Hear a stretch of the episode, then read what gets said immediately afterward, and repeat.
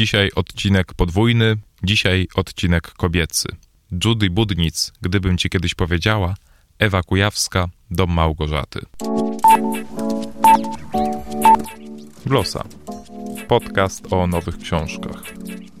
www.glosa.info Paweł Adam Piotrowicz, zapraszam.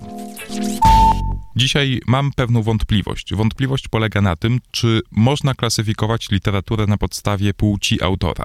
Jeżeli można, to dzisiaj powiem o dwóch książkach z nurtu literatury kobiecej. Jeżeli można tak klasyfikować, to powiem o dwóch całkiem udanych książkach, jakie ostatnio napisały nieznane szerzej kobiety. Co więcej, powiem o książkach, które dotyczą tak gorącego tematu jak imigracja czy przesiedlenia. Lubię czytać o domach. Lubię do tego stopnia, że kiedyś wynotowałem sobie, co krytycy literaccy i antropologowie napisali mądrego o znaczeniu budynków. W tych notatkach przewijają się takie zdania jak, cytuję, przestrzeń domu jawi się jako rodzaj symbolicznej sceny, na której toczy się nieustanny obrzęd stwarzania i odnawiania świata, czy inny cytat, dom nie jest konstrukcją statyczną, lecz obdarzony jest ruchem odpowiadającym poszczególnym etapom procesu kosmicznego prawda, to święta prawda. Zwłaszcza w odniesieniu do wydanej właśnie przez wydawnictwo Czarne książki Ewy Kujawskiej Dom Małgorzaty. Dom zbudowany w niemieckim miasteczku przez solidnego Fritza dawał nie tylko schronienie, ale był też mikrokosmosem, w którym rozgrywały się dramaty jednak nie te sceniczne, ale życiowe. Hildegard Bauske mieszkała w nim z mężem, wspomnianym Fritzem i dwoma synami. Tak, to właśnie Hildegarda mieszkała ze swoim mężem i synami, a nie mąż z żoną czy dzieci z rodzicami. W powieści kujawskiej najważniejsza jest właśnie kobieta. I to nie jedna, bo miejsce Hildegardy w pewnym momencie zajmuje Małgorzata. Dlaczego? Ano dlatego, że mamy najpierw II wojnę światową, a potem jej konsekwencje takie, które dzisiaj wywołują emocje, zwłaszcza gdy słowo wypędzeni pojawia się w ustach pewnych niemieckich polityków. Od Hildegardy na wojnę najpierw odchodzi jej mąż, a potem obaj synowie. Oni nie wracają. Do miasteczka przybywają za to ofiary wojny. Najpierw ludzie należący do tego samego co Hildegarda narodu, a więc Niemcy, później również Rosjanie i Polacy. Wśród nich pojawia się Małgorzata z synem Stasiem, która z woli władzy ma zająć dom, w którym wciąż mieszka Hildegarda. No oczywiście nie może być mowy o spokojnym, zgodnym życiu dwóch kobiet. Dom przyjmuje i jedną i drugą, ale jest świadkiem wielu konfliktów. Bo oto z jednej kuchni korzystać mają dwie kobiety, obie niepewne swojego losu, jedna na nowych ziemiach, na które nie chciała przyjeżdżać, druga właśnie mająca swoje ziemię opuścić. Kujawska w swojej książce nie politykuje, nie wydaje wyroków, nie rewiduje historii. Ten kronikę losu czyta się dobrze, nawet jeśli czasem irytują kiczowate sformułowania czy pisanie wyrazów pospolitych wielką literą. No, nie od dzisiaj wiadomo, że lubimy czytać o historii przez pryzmat losów konkretnych ludzi. Ja przynajmniej lubię, nawet jeśli są to postacie fikcyjne. A już za chwilę fikcję od rzeczywistości będzie jeszcze trudniej odróżnić. Powiem o książce utalentowanej młodej pisarki z USA Judy Budnic.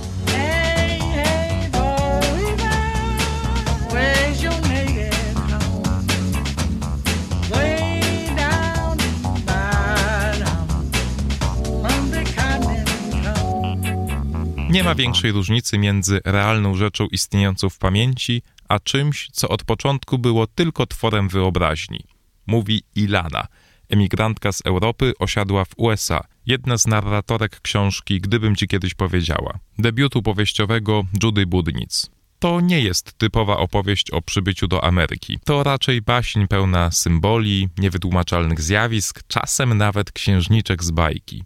Ale to również książka pokazująca zwykłe American Life, którego Ilana nie rozumie i nie przyjmuje, a które akceptują i przeżywają jej córka, wnuczka i kolejne pokolenia kobiet. Kobiet, bo chociaż mężczyźni odgrywają ważną rolę w powieści, to sposób opowiadania jest bardzo kobiecy. Urodzona na początku XX wieku Ilana w pewnym momencie zdaje sobie sprawę, że nie może żyć ze swoją nadopiekuńczą matką. Ucieka z wioski poza granicę, której nigdy nie wychodziła i bezwiednie obiera kierunek zachodni, dowiadując się po drodze, że gdzieś za wodą jest nowy kontynent, na którym może zacząć wszystko od początku. Spotyka kobiety, które jej pomagają i mężczyzn, którzy ją wykorzystują. wreszcie trafia na Szmuela, który zabiera ją na statek do Ameryki zamiast swojej siostry, z którą miał opuścić mroczną Europę. Tej książki właściwie powinno się słuchać. Brzmi ona jak gawenda starej, siwej kobiety, która przy ogniu w kominie i nad kubełkiem tajemniczych ziół opowiada fantastyczną historię swojego życia. Ilana nie wierzy zresztą w to, co zapisane. Cytuję. Wiedziałam, że inni ludzie ufają słowu pisanemu. Wydaje im się, że to, co napisane i zachowane na papierze, nie da się już zmienić i zatrzymuje czas. Ale ja nie dam się nabrać. Słowo pisane jest śliskie, może skrywać prawdę, może kłamać. Ilana stopniowo oddala się od kominka. Rolę opowiadaczki przejmują jej córka, wnuczka i kolejne pokolenia kobiet. Żadna nie powie nam wprost, co w opowieściach Ilany było prawdą, a co wytworem wyobraźni.